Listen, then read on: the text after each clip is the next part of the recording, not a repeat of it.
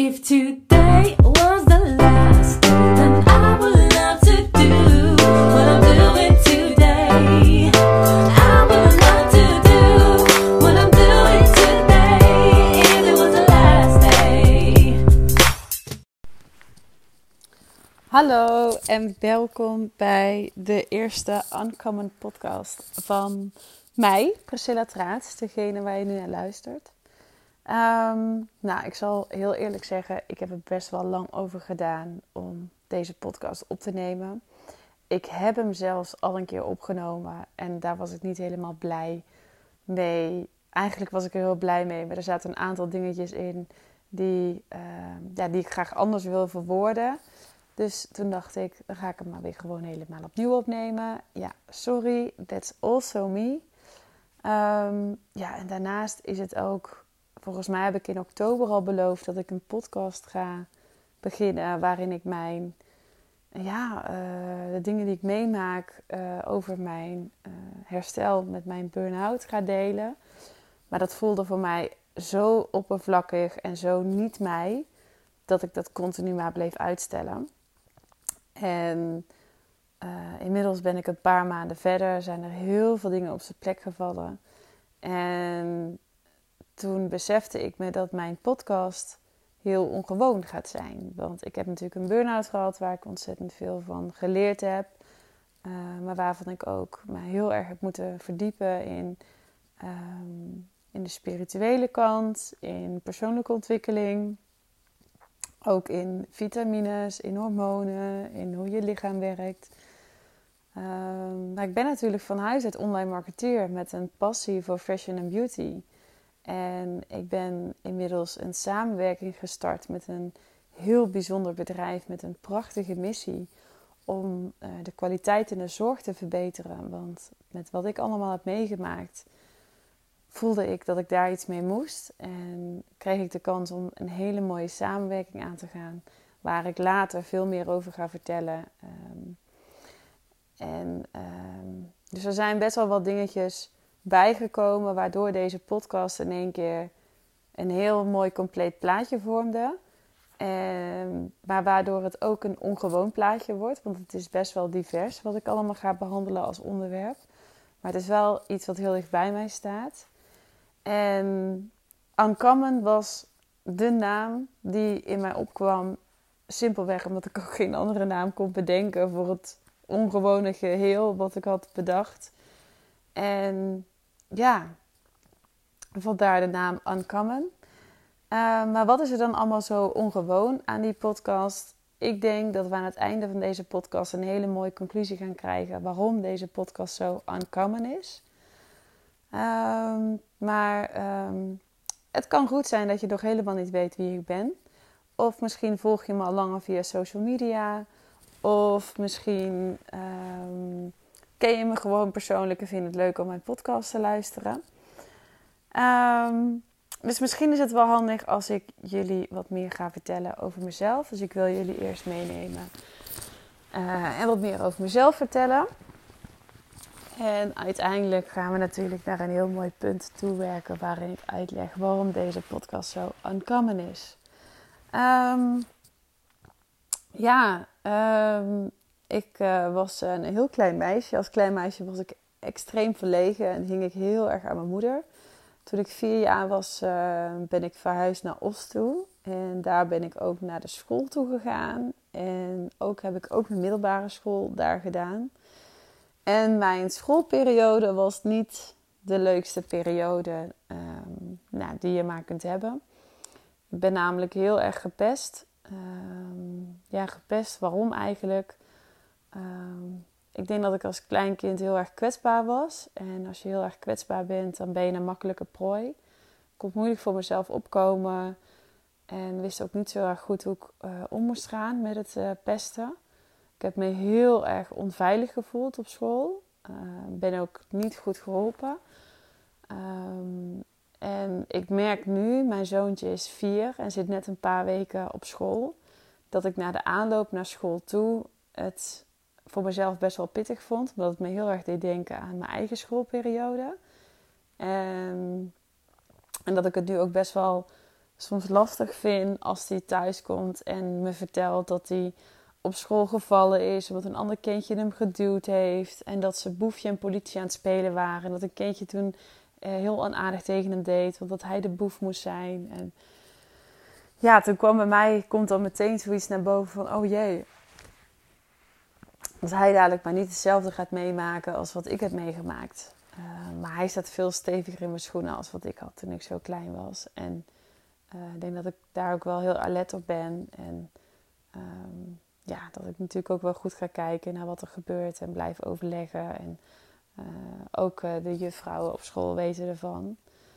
Um, ja, waarom worden kinderen gepest? En hoe komt het dat je je zo onveilig voelt? Ja, ik heb, ik heb echt moeten uh, vechten, echt moeten overleven om, uh, om veilig van school naar uh, huis te kunnen komen. Ik werd gepest omdat ik er niet uitzag zoals de kinderen uit mijn klas. Want in die periode, het is een beetje de DJ Paul Elstak periode noem ik het maar. Toen was het echt helemaal in om Nike Air Max te dragen en een Cavello of een Australian trainingspak. En ik weet nog dat ik dat ook echt zo graag wilde, want iedereen droeg dat. En ik dacht dat dat de reden was dat ik gepest werd, want ik had dat niet. En mijn moeder wilde er ook echt niet aan toegeven om de mij er een te geven. En ik snap natuurlijk ook echt wel waarom, want wie gaat er nou in een trainingspak lopen de hele dag? Dat is ook helemaal niet mooi. Ik vond het zelf ook helemaal niet mooi, maar ik wilde dat per se om er maar ja, bij te horen. En ik heb ook echt alles gedaan om maar erbij te horen, maar niet meer gepest te worden. Um, en daarnaast heb ik ook heel erg de schijn moeten opbouwen. Echt de schijn ophouden tegenover mijn ouders, omdat ik me schaamde dat ik zo gepest werd. Want ja, als je als klein kind gepest wordt, dan zal er waarschijnlijk wel iets mis met je zijn. Of ja, je bent anders. Of ja, er is een reden waarom kinderen jou pesten. Waarom word jij gepest waarom worden andere kinderen niet gepest. Um, en ga maar eens tegen je eigen ouders vertellen dat er iets mis is met hun kind. Dus dat vond ik, uh, mijn verantwoordelijkheidsgevoel daarin was toen al best wel groot. Uh, besef ik me nu natuurlijk, nu ik zelf volwassen ben. Dus dat was een hele heftige periode. Uiteindelijk heb ik in, aan het einde van groep 7 heb ik tegen mijn ouders durven vertellen dat ik niet meer terug naar school durfde en dat het echt heel erg was. En toen hebben mijn ouders ook besloten om mij in groep 8 nog te laten wisselen van een uh, van basisschool. En ja, doordat al dat gepest en ja, de, de, de angst en um, ja, kon ik natuurlijk niet zo heel erg goed opletten op school. En uh, ja, had ik ook, was, ja, liep ik ook een beetje achter. En ik heb het in groep 8 wel goed kunnen rechttrekken, maar niet volledig. Um, ik weet nog dat op een gegeven moment uh, de CITO-score eruit kwam. En dat ik echt uh, op één Turks jongetje in de klas na had ik de laagste CITO-score. En dat vond ik echt verschrikkelijk. Uh, want dat betekende dat ik niet naar de school toe kon waar ik graag heen wilde. Maar dat ik naar de school toe moest waar mijn pesters ook naartoe gingen. En dat zou weer een opnieuw een tijdperk worden waar ik net juist uit was gekomen. En mijn moeder heeft er toen alles aan gedaan om mij op een school te zetten. Een kleine school, wat toen uh, net overging van de MAVO naar de VMBO Theoretische Leerweg. En dat is gelukt. Ik ben op die school gekomen en echt, ik heb die school op mijn sloffen doorlopen. Uh, ik was nog steeds niet heel populair, uh, maar ze lieten me wel met rust. En ik kon daar een beetje mijn eigen ding doen. En um, ja, ik heb die periode ben ik prima doorgekomen. Um, en ja, ik, uh, um, ik reed ook paard in de tussentijd. Daar vond ik echt heel veel troost. Ik was ook goed in paardrijden. Um, nou, daarnaast kon ik ook vrij makkelijk leren. en uh, na de middelbare school ben ik naar NAB Deurne gegaan, een paardensportopleiding. Maar dat was helemaal niks voor mij. was geen, niet de juiste keuze. Um, ben ik ook een tijd in de horeca gaan werken. Um, ja, dat vond ik heel erg leuk. Maar ik merkte ook dat dat niet mijn toekomst ging zijn. En toen ik 18 was, uh, werd ik aangenomen bij een uh, online marketingbureau, wat toen de tijd Easy Internet Marketing heette. En dat was een onderdeel van Tribal. En dat bedrijf was net gestart en dat is inmiddels uitgegroeid tot een van de grootste online marketingbureaus van Nederland. En ik weet nog dat ik werd benaderd door een, eh, eh, ja, door een eh, recruiter, omdat ik mijn cv op Monsterwoord had gezet. En de titel van mijn cv, of van mijn profiel was... Jonge commerciële vrouw zoekt nieuwe uitdaging. En dat vonden hun zo leuk dat ik, dat ik op gesprek moest komen. Nou, ik ben ook op gesprek gekomen en ik ben meteen aangenomen. En ik was daar de eerste medewerker van de binnendienst. Ik moest afspraken maken, telefonisch, met potentiële klanten voor de buitendienst. En ik leerde daar zo ontzettend veel. Ik leerde heel veel over Google, over algoritmes, over zoekmachines, over website optimalisatie, over Google AdWords, het advertentiesysteem van Google. Toen de tijd hadden we nog geen social media. Later kwam daar natuurlijk Hives bij en nog veel later Facebook, Instagram, nou, YouTube. En uh, ik nam echt alles op als een spons. Ik zat daar op kantoor met uh, mensen die veel meer ervaring hadden, die al uit de marketing kwamen. Sommigen kwamen zelfs uit de uh, kant van psychologie, omdat ze eh, bezig waren met usability. Dus ik had echt wel mensen om me heen die bepaalde opleidingen hadden genoten en die veel kennis bij zich droegen. En al die kennis, die slurpte ik op en ik wilde zoveel mogelijk leren. Want uiteindelijk wilde ik gewoon zorgen dat ik ook een goede baan had en een positie. En dat mensen tegen me opkeken. Dat is wat ik wilde. Dus ik was echt de eerste op kantoor. Ik ging als laatste weg. Dan kwam ik thuis. Dan ging ik eten. En als ik klaar was met eten, dan ging ik op bed liggen. En dan pakte ik mijn, uh, mijn leerspullen erbij. Dan ging ik nog verder leren. En ik heb uh, na twee jaar ben ik, uh, uh, kreeg op een gegeven moment iemand op kantoor. Remy Vermunt heette die. En dat werd onze sales trainer. En ik weet dat die man binnenkwam. En ik was best wel verlegen nog. En gaf die man een hand. En ik weet dat hij me echt zo doordringend aankeek. En dat ik echt zoiets had van wow, wat is dit nou? Dat ik ook wegkeek. En dat was ook meteen waar hij mijn commentaar op gaf. Dat als ik ooit succesvol in de sales wilde zijn, dat ik dat vooral niet meer moest doen. Um, en ja, hij wilde zich op dat moment natuurlijk verkopen. Maar ik had toen echt zoiets bij mezelf van... Oké, ik ben een beetje verlegen. En jij bent nu mij heel erg aan het overroelen. En op zich een beetje verlegenheid is helemaal geen probleem. Het kan best een charme zijn. Maar goed, er zijn vast heel veel dingen die jij mij wel kan leren. En uh, hij is onze sales trainer geworden. En ik heb ontzettend veel van die man geleerd. Hij werkte voor Kenneth Smith. Dat is een Amerikaans trainingsbureau. En alles wat die man heeft geleerd is de basis van marketing en sales. Ik weet niet of je ooit de film The Wolf of Wall Street hebt gezien. Maar uh, The Way of the Wolf, zijn systeem, is exact het systeem wat ook Kenneth Smith, um, ja, salesmensen in Nederland leert. En het is een super waardevol systeem. Webinars worden op basis van dat systeem gegeven. Uh, marketing, e-mail marketing funnels worden daar op basis daarvan gebouwd. Content marketing, alles is gebouwd op dat systeem. Uh, na 4,5 jaar was ik op een gegeven moment uh, ja, was ik klaar voor de volgende stap. Ik had al heel lang bij dat bedrijf gewerkt. Ik had nog nooit bij een ander bedrijf gekeken. Ik merkte dat ik daar ook wat minder op mijn plek zat. Want inmiddels uh, was ik key account manager bij Tribal. Dus ik zat niet meer bij Easy. En ik merkte dat ik daar echt weer opnieuw de junior was. En eigenlijk was ik daar wel een beetje klaar mee. Want ik was altijd een beetje de Benjamin. Terwijl ik super hard werkte en heel veel had geleerd. Maar ik werd nog steeds niet gezien. En ik ben toen uh, gaan solliciteren bij een ander bedrijf. Uh, One to Market in Arnhem. En ik ben daar ook aangenomen. En ik weet nog dat, ze, dat ik tijdens mijn sollicitatie... Uh, zeiden ze tegen mij... Uh, dat ze klanten hadden in. Of ze hadden kantoren in Barcelona en in Madrid en in Berlijn. En ze hadden klanten als FC Barcelona, Zara, de Mango. Ze werkte in Nederland voor de Rijksoverheid, voor KLM, Klitsch.com. En toen dacht ik, oké, dat is interessant. Want die fashion, dat vind ik wel heel erg leuk. En ik had voor Jeans Online gewerkt en uh, voor Drukwerkdeal en voor Bax, Bakshop. Maar nooit echt echt fashion. Het, was altijd mijn droom om voor bedrijven als Maria Taylor of Nikki Plessen te werken. Dat, leek me, dat leek me altijd super leuk.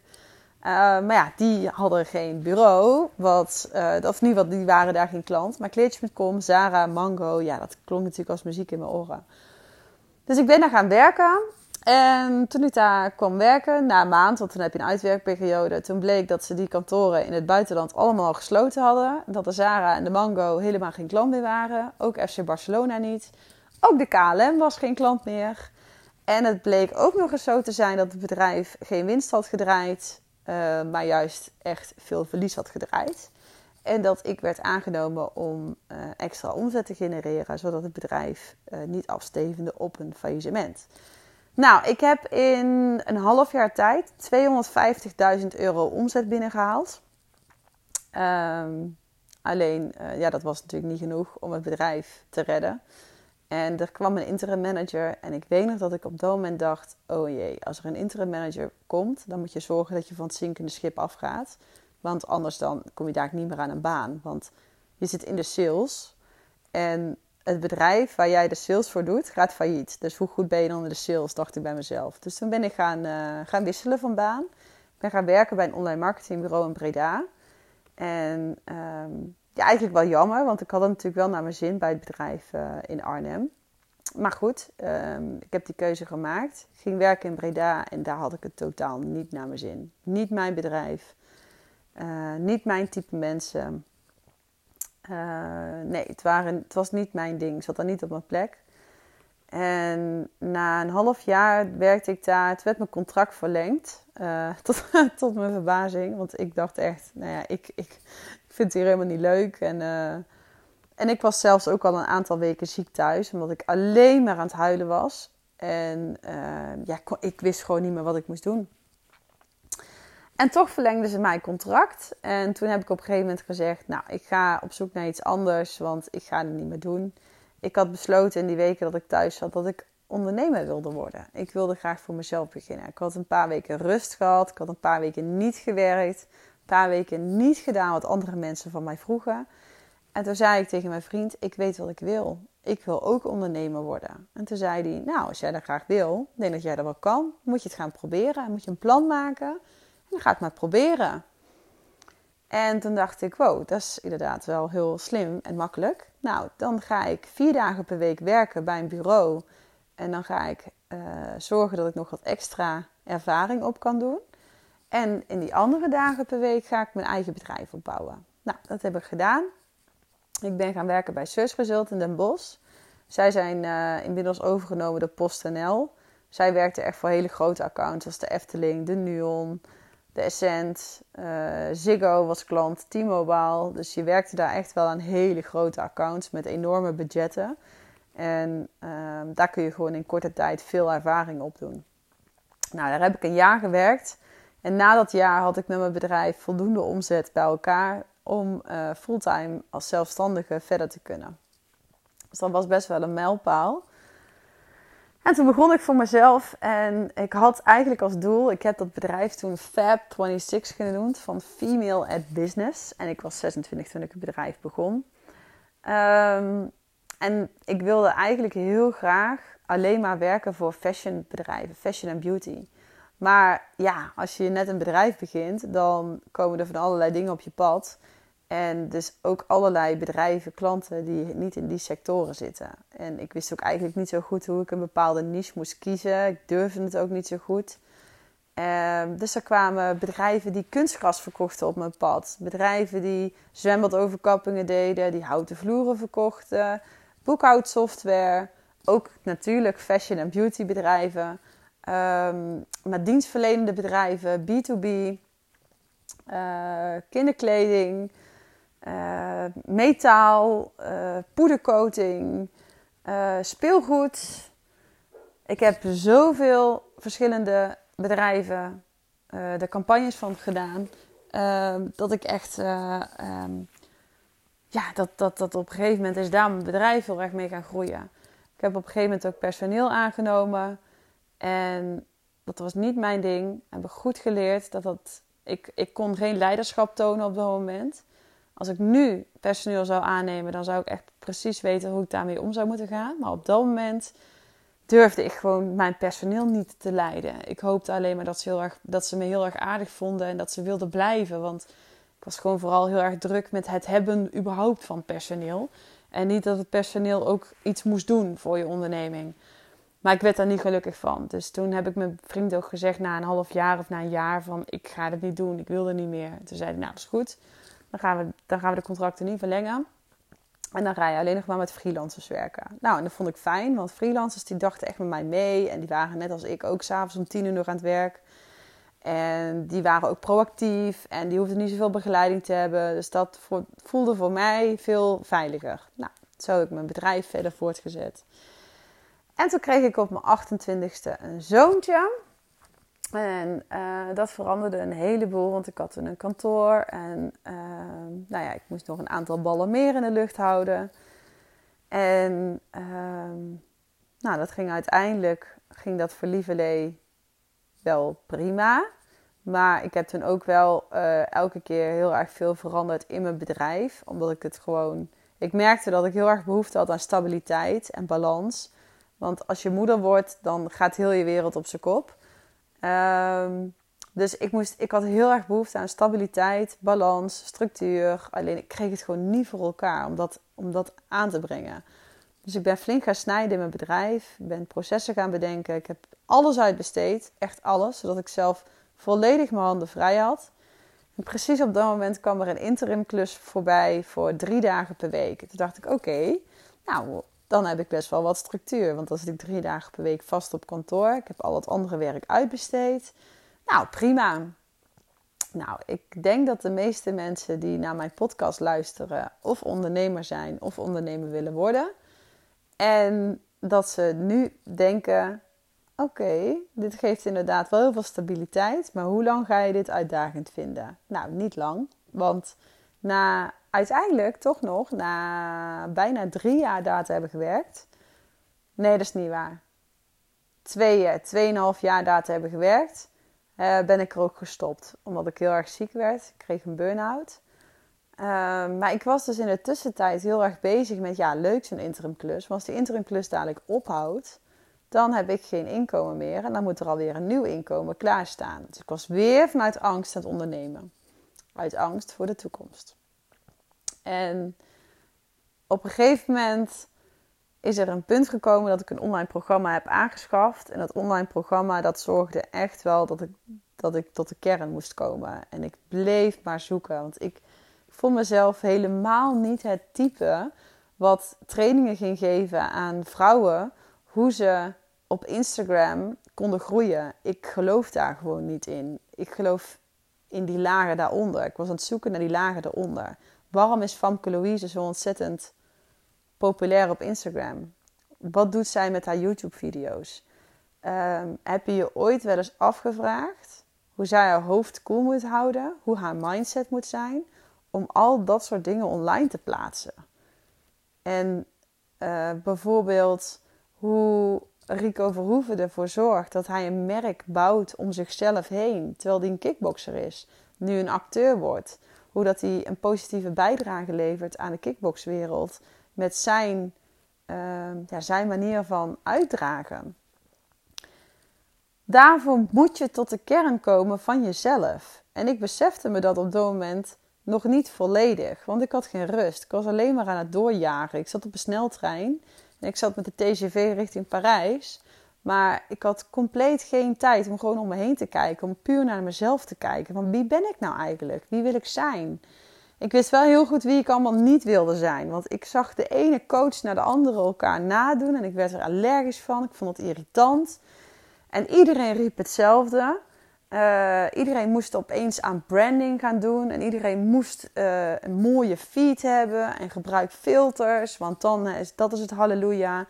En ik dacht alleen maar bij mezelf: gaat er dan niemand elkaar dan leren hoe je tot jezelf kan komen, zodat je überhaupt aan branding kunt gaan doen? Um, en daar zat voor mij dus ook tover, toverstaf. Daar, daar zat ook de kern. Want ik vind, als je gaat kijken naar uh, bijvoorbeeld een stukje wat ik heb meegemaakt, hè, toen ik in mijn burn-out terecht kwam, heb ik heel veel tijd gehad. En ben ik echt, echt tot mezelf kunnen komen. Heb ik echt bepaalde lessen moeten nemen. Maar die lessen die hebben ervoor gezorgd dat ik die diepgang kon vinden in hetgeen wat ik anderen wil kunnen leren. Want ik, kan, ik weet zelf hoe eng het is om online zichtbaar te worden. Het is dood. Het is gewoon doodeng. Want met mijn achtergrond, als je als klein kind zo erg gepest bent en je bent continu afgewezen om wie je bent, en dan opeens moet je online zichtbaar worden, want je moet aan branding doen, dan moet je ook nog eens een perfecte feed hebben, want anders word je weer afgewezen. En dat is juist waar je zo bang voor bent. Ik, daar ging iedereen aan voorbij. Iedereen ging aan dat stuk voorbij. En dat is waar ik juist mee aan de slag wil gaan. Dus als je gaat kijken naar, uh, dat is het online programma wat ik heb ontwikkeld. En waar ik nu de laatste, uh, ja, de laatste dingetjes voor uh, aan het klaarzetten ben. Maar ook deze podcast is daar natuurlijk ook op gebaseerd. Ja? Want ik denk dat uncommon, ongewoon, iedereen heeft een ongewoon leven. Iedereen heeft iets wat niet gewoon is. Want ik denk ook dat daar de kern van het succes ligt voor heel veel mensen, of eigenlijk voor iedereen. Want als Rico Verhoeven heel gewoon kon kickboksen, dan zou hij niet nog steeds wereldkampioen zijn. En dan zou hij niet zo'n mooie bijdrage hebben kunnen leveren aan de kickboxwereld. Als Femke Louise gewoon zou zijn, zou ze zichzelf nooit zo hebben kunnen laten zien op YouTube. En zou ze nooit zoveel hebben kunnen delen van zichzelf als klein kind. Nikki Tutorials is ook zo'n ontzettend mooi voorbeeld. Ze zat zelfs nog in een transformatie toen ze haar YouTube-kanaal begon. Uiteindelijk heeft ze nu een wereldbijdrage kunnen leveren door te laten zien: ik ben Nikki en ik ben transgender. Ik, was nog, ik zat nog in mijn transformatie toen ik begon. En ik denk uiteindelijk dat de kern is dat je laat zien wie je op dat moment bent, bent en dat je mensen deelgenoot maakt van hetgeen waar je mee bezig bent. Dat betekent niet dat je een hele hoop ellende over jezelf moet blijven delen, want dat is dan de echtheid die je eraan moet verbinden. Uh, ik zeg dat bewust een beetje sarcastisch, omdat dat heel veel mensen roepen. Maar gewoon laten zien wie je bent. Gewoon laten zien wat je doet. Niks meer dan dat. Gewoon dat.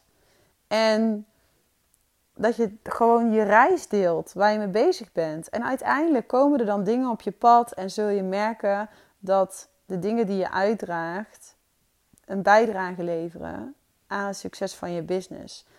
En dat ongewone, dat op zoek gaan naar hetgene wat zo ongewoon is bij jou, dat dat juist de sleutel naar jouw succes is.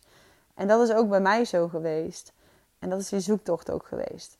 Nou, als ik ga kijken naar de podcast Uncommon, dan is het eigenlijk het op zoek gaan naar de kern van jezelf, naar het ongewone in jezelf, wat juist het bijzondere aan jou is. En dat in combinatie met gezondheid, spiritualiteit, fashion en beauty, marketing, sales, stukje mindset en ondernemerschap. Dat zijn alle elementen die deze podcast Uncommon maken en die ook in deze podcast behandeld gaan worden. Nou, ik moet heel eerlijk zeggen dat het best wel een flink verhaal is geworden. En ik heb jullie eh, hopelijk uh, goed kunnen laten kennismaken met wie ik ben, waar ik voor sta, wat ik heb meegemaakt, waarom deze podcast dus uncommon is geworden. En in de toekomst kun je dus van deze podcast gaan verwachten dat we het gaan hebben over marketing, over branding, over online, over spiritualiteit, over mijn burn-out. Want ik ga ook vertellen in de volgende podcast hoe ik erachter ben gekomen dat ik een burn-out had. En uh, wat ik heb, uh, ja, hoe dat traject eruit heeft gezien. Ik ga ook in gesprek met specialisten die mij hebben begeleid tijdens mijn burn-out. En we gaan het natuurlijk ook hebben over een stukje gezondheid wat erbij komt kijken. Over fashion en beauty. En um, alles wat er bij komt kijken bij het hebben van een happy life. En ja, dat gaat eigenlijk de podcast zijn. Want alles wat ik meemaak, uh, ja, de lessen die ik leer, de ervaringen die ik heb, de kennis die ik wil delen, dat ga ik allemaal verwerken in deze podcast. En uh, ik hoop dat je de volgende keer er ook weer bij bent. Dat je nieuwsgierig bent geworden na het luisteren van deze eerste podcast. En ik wil je heel erg bedanken dat je de moeite hebt genomen om naar mijn podcast te luisteren. Heb je hem nou geluisterd? Dan denk je bij jezelf: hey, dit is echt een podcast. Die moet mijn buurvrouw of mijn collega of mijn werkgever of wie dan ook zeker luisteren.